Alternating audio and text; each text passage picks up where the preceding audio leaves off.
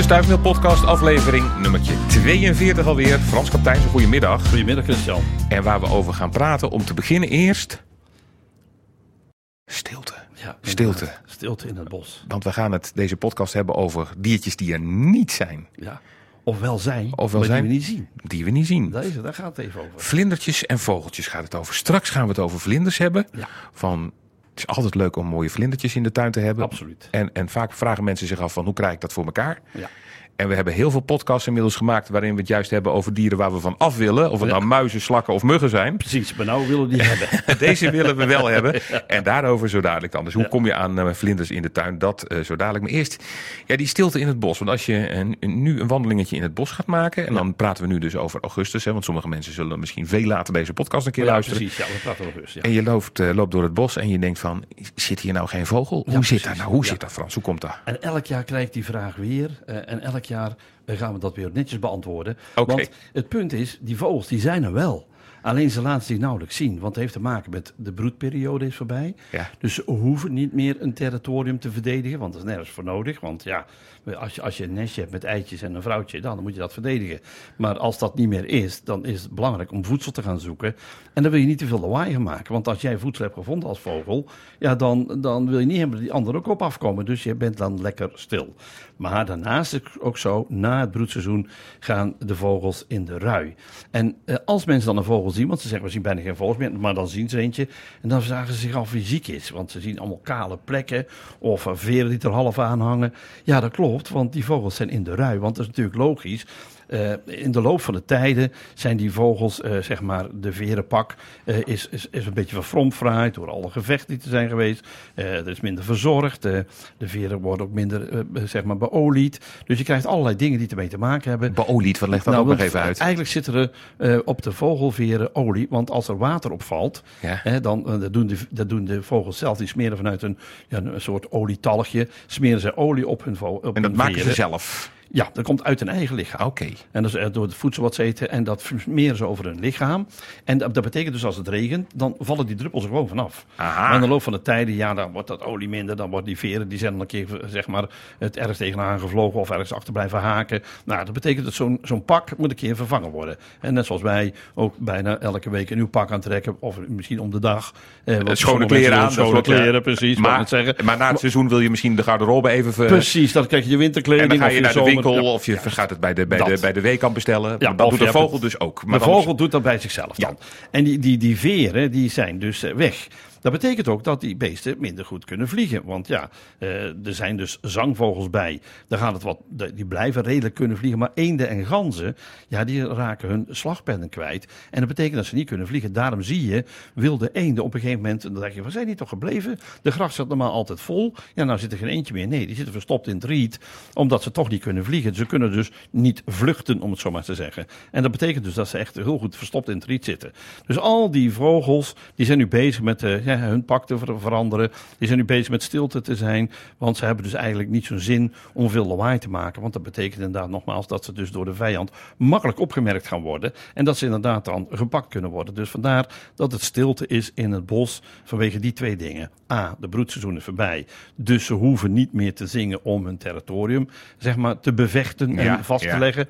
En ze hoeven ook niet meer eh, zeg maar, te zingen vanwege het feit dat ze dus eh, wintervoorraad moeten gaan zoeken. En dan ga je dus niet zomaar eh, zitten fluiten hard als je dus een lekker nijtje Nee. hebt gevonden. Nee. Want er zit er zo een grotere vogel bij. Dus dan hou je mond wel dicht. En dan probeer je zeg maar, zoveel mogelijk te eten. Zeker de trekvogels zoals de huiszwaluw, de boerenzwaluw, de, de, de wielenwalen. Ja, die zitten flink te eten dat ze in ieder geval die reis kunnen maken. En vooral die gierzwaluwen, ja, die hoor je helemaal niet meer gieren door de huizen. Want ze vangen nog de laatste voedsel en dan vertrekken ze helemaal 6000 kilometer ver om ver, daar hè? te overwinteren.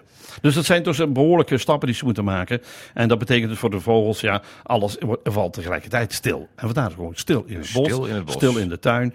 En ja, als je dan een tijdje geen vogeltjes ziet in je tuin, maak je niet ongerust. Later in de herfst komen de vogels die hier blijven, zoals de roodborst, de merel, die komen best wel weer terug. En als het een beetje zonnig is, gaan roodborst en merel zelfs weer zingen, omdat ze daar gewoon zin in hebben. En dan is het niet zo van dat ze een territorium moeten verdedigen, maar dan zitten ze gewoon te zingen. Of je hoort ze een alarmroep geven, bijvoorbeeld als de kat los is. En merels maken dan een bepaald geluid. Of als er een mens rondloopt, dan maken ze weer een ander geluid. Zo proberen ze de andere vogels ook te Dus waarschuwen. dat doen ze dus wel. Dat doen ze dus wel, ja. dus ze houden wel hun, hun snavel dicht eh, als ze zelf iets aan eten gevonden Ja. hebben. Want dat willen ze zelf opeten. Ja.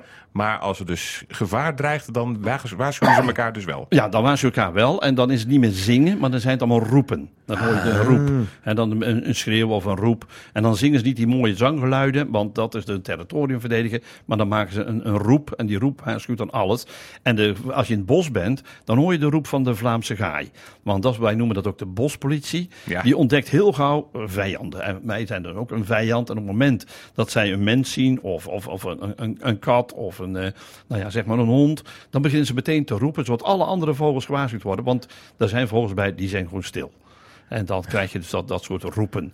De spechten roffelen niet meer, want het heeft ook geen zin meer. Maar die kunnen niet zingen ook, hè? die kunnen niet zingen, maar die hebben wel een roep. Hè? Ja. En, en, en, de roep van de grote bonte specht die lijkt een beetje op die van de merel.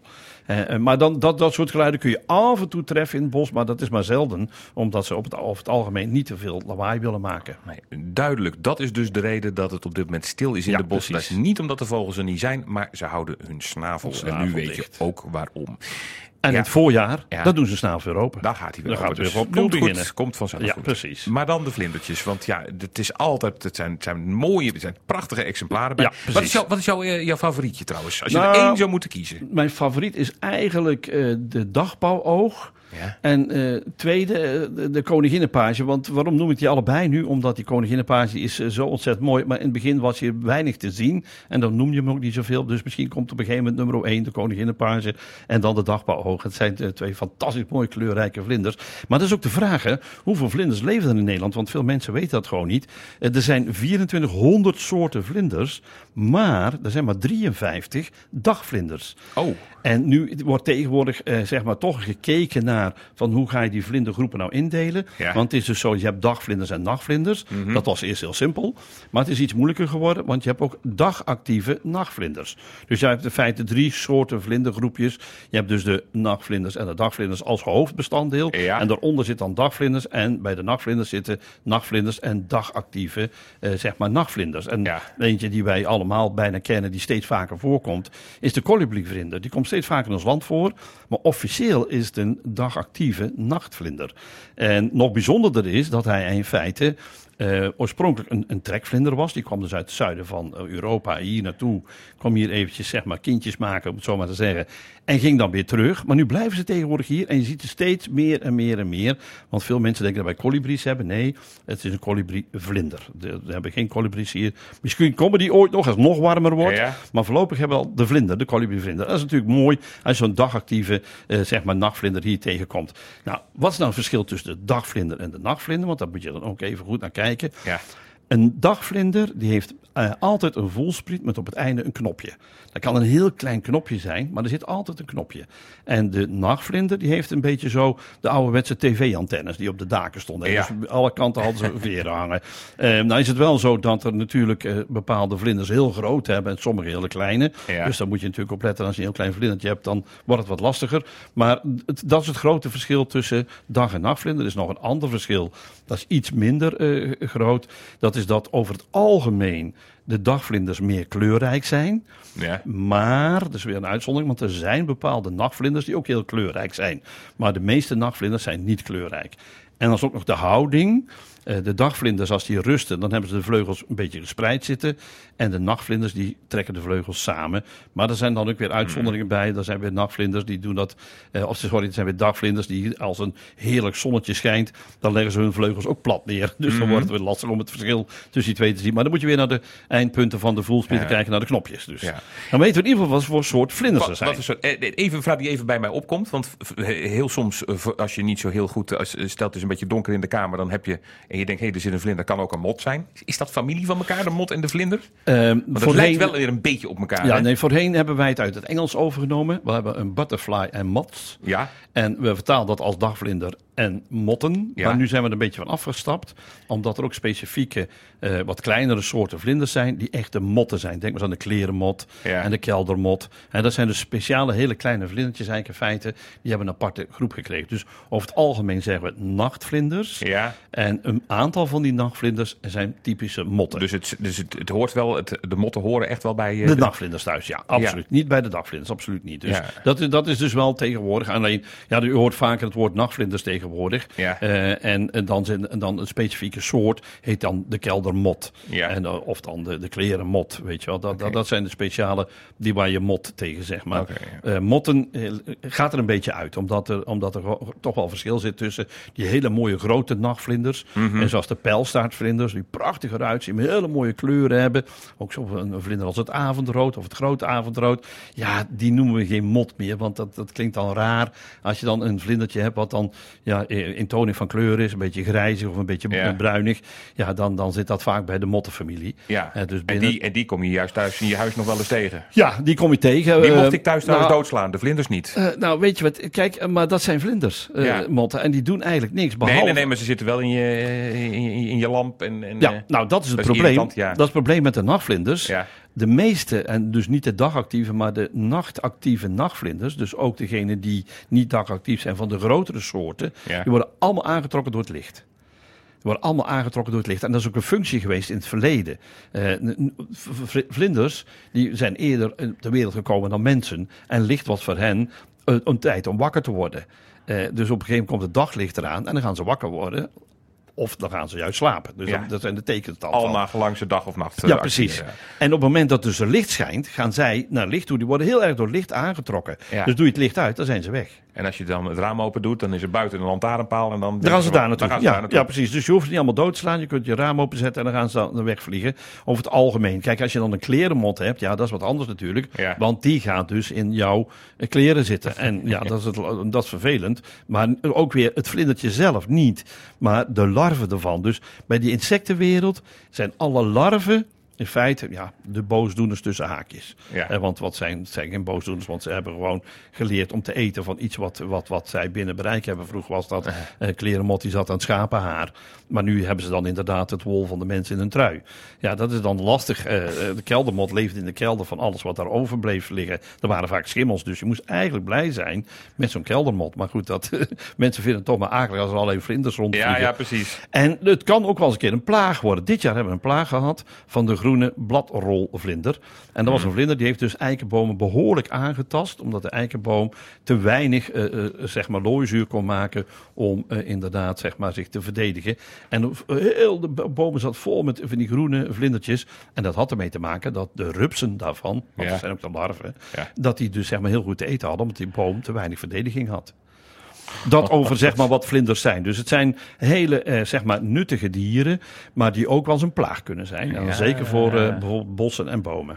Als je nou meer vlindertjes en dan niet van die eh, bruine motjes, maar vooral de meer kleurige in Ja. je tuin wil hebben, want een heleboel mensen terecht denken van, oh, daar, daar flirt mijn tuin letterlijk van. Absoluut. Wat moet je dan doen? Daar heb je nog wel een paar tips voor, toch? Tien. Ik heb Tien stuks. Tien Oh, stuks. Daar gaan we, ja, gaan we zitten. ja. Daar ga je ervoor zitten. Ja. Ten eerste, vlinders, hè, alle vlinders hebben zich nood aan bloemen. Die moeten bloemen hebben, want eh, bijna alle vlinders die, die hebben of de bloem nodig om daar nectar uit te halen. Ja. Of ze gebruiken het als eh, plant om daar eitjes op te leggen. Hè. Dus heel veel bloemen. Eh, leggen op de stengels worden dan eitjes opgelegd. Of op de blaadjes worden eitjes gelegd. Dus bloemen en, en planten zijn dus nodig in je tuin. Dus je moet heel veel. eh, al zijn het maar kleine bloemetjes. Al heb je maar een border. Als je bloemen hebt met bloeiende, eh, planten hebt met bloeiende bloemen. Dan heb je altijd, krijg je meteen vlinders. Dat is altijd geheid zo. Ehm, eh, probeer wel zoveel mogelijk, dat is tip 2, Ja. inheemse planten in te zetten. Dat is een hele belangrijke. En denk ook aan brandnetels en distels. Want brandnetels en distels, dat zijn hele belangrijke waardplanten voor eh, de vlinders. Wat betekent dat? Bijvoorbeeld de dagbouwoog is afhankelijk van brandnetels. Want wat doen die? Die eten brandnetels op. Dan krijgen ze een brandnetelsap in hun lichaam. En dat brandnetersap komt in hun ja, zeg maar uitsteeksels te zitten. En een vogel die zo'n rups wil pakken, die, die stopt er meteen mee. Want die, die krijgt die brandnetelsap ook in zijn bekje en daar kan hij niet tegen. Dus die blijven van de rupsen af van de, van, van de dagbouwoog. En zodoende kunnen zij overleven om weer een mooie nieuwe dagbouwoog te maken. Distels die hebben heel veel nectar in zich. En dat betekent dus dat ze dus heel veel suikergoed hebben voor al die vlinders die dus daarvan moeten kunnen profiteren. En dan zitten ze met zo'n lange roltongen zitten ze dan die, die nectar op te likken. Dus dat zijn heel belangrijke planten. Dus twee is eh, zeg maar zet inheemse planten neer. Ja. In het voorjaar planten aanbieden, dat is de tip 3. Maar ook in het najaar. Je hebt dus ook herfstasters en allerlei planten die in, in de herfst groeien. Bijvoorbeeld ook koninginnenkruid. Dus als je dan zeg maar in het voorjaar viooltjes en zo neerzet. Uh, en een aantal ander soort vroege bloeien, speenkruid en noem maar op. Dan heb je dus in het voorjaar mooi al de vlinders te pakken. Maar ook in het najaar door leverkruid en of koninginnenkruid, zoals dat dan heet. Of in ieder geval zeg maar uh, herfstasters neer te zetten. Dan heb je het najaar ook nog vlinders. En die zetten ook weer daar hun eitjes op al die planten af. Dat was dus tip 3. Uh, wat ook heel belangrijk is voor vlinders is hoogtes en laagtes. Dus uh, niet één egale uh, horizontale lijn van planten, maar dus af en toe verschil erin zetten. Een keer wat lage planten, een keer wat hoge planten erbij. Dat is voor die vlinders ideaal, want dan kunnen ze af en toe een keer in wegvluchten als er een vogel in de buurt komt die hun op wil eten. Dus heel fijn om dat te doen. Daarnaast zijn bijvoorbeeld hogere punten zijn mooie uitkijkposten, want die vlinders speuren ook een tuin af ja. om te zien waar ze naartoe kunnen gaan, maar ook te zien waar het veilig is. Dus allerlei variaties aan hoogtes neerzetten, is, is tip 4 in ieder geval. Tip 5 is beschutte hoekjes aanleggen. Dat betekent dat je met hagen en heggen, en er hoeft niet heel veel te zijn, maar stel dat je een klein meidoornhaagje neerzet of een legusterhaagje, dan kunnen die vlinders daarin duiken als er te veel gevaar aan vogels of andere eh, vlinderetende zeg maar, beesten komen. Dan kunnen ze wegtrekken in zo'n haag en vaak kan zo'n eh, vlinder er mooi induiken, maar een andere, bijvoorbeeld een vogel, die duikt niet zo gauw in een meidoornhaag. Of hij moet er al in zitten, dat is natuurlijk wat anders. Maar erin gaan, nou met al die doorns, dat doen ze niet zo graag. Um, dan in de winter, ruim nou niet alles op. Want heel veel eitjes, zei ik net al in het begin, zitten op stengels van uh, diverse soorten uh, planten. Heb je bijvoorbeeld pinksterbloemen, uh, dan zitten op die stengels van die planten de, de, de eitjes van de oranje tip. Een van de mooiere vogels, vooral het mannetje, die heeft aan beide zijden oranje tipjes zitten. Maar die zet dus op de pinksterbloemen, maar dat kan ook op judaspenning, zet, die, zet zij haar eitjes af. En als je die dan weghaalt, dan ben je dus die eitjes kwijt en dus daarmee ook de vlinder. Um, ik had al gezegd, kies inheemse plantensoorten. Maar um, zoek dan ook zeg maar, soorten die ook veel voeding geven. Dus niet planten nemen waar uh, zeg maar, heel weinig nectar in zit. Dus er moeten echt wel planten zijn met heel veel nectar. En als je naar een, een goede kruidenwinkel toe gaat, of kruidenzaak, dan weet hij precies aan te wijzen welke uh, zeg maar, struiken of planten goed ja. zijn. Nou, iedereen kent de butleia. Nou, dat is dus echt dat is een hele goede. Of de vlinderstruik. Ja. Dat is een hele goede. Daar komen alle vlinders op af. En dan ben ik aan het tippen. Even tellen. 1, 2, 3, 4, 5, 6, 7 nu gekomen. 8. Nummer 8, ja. Ja, nummer 8. Er komen er nog twee hier. Ja, legt een kruidentuin of moestuin aan.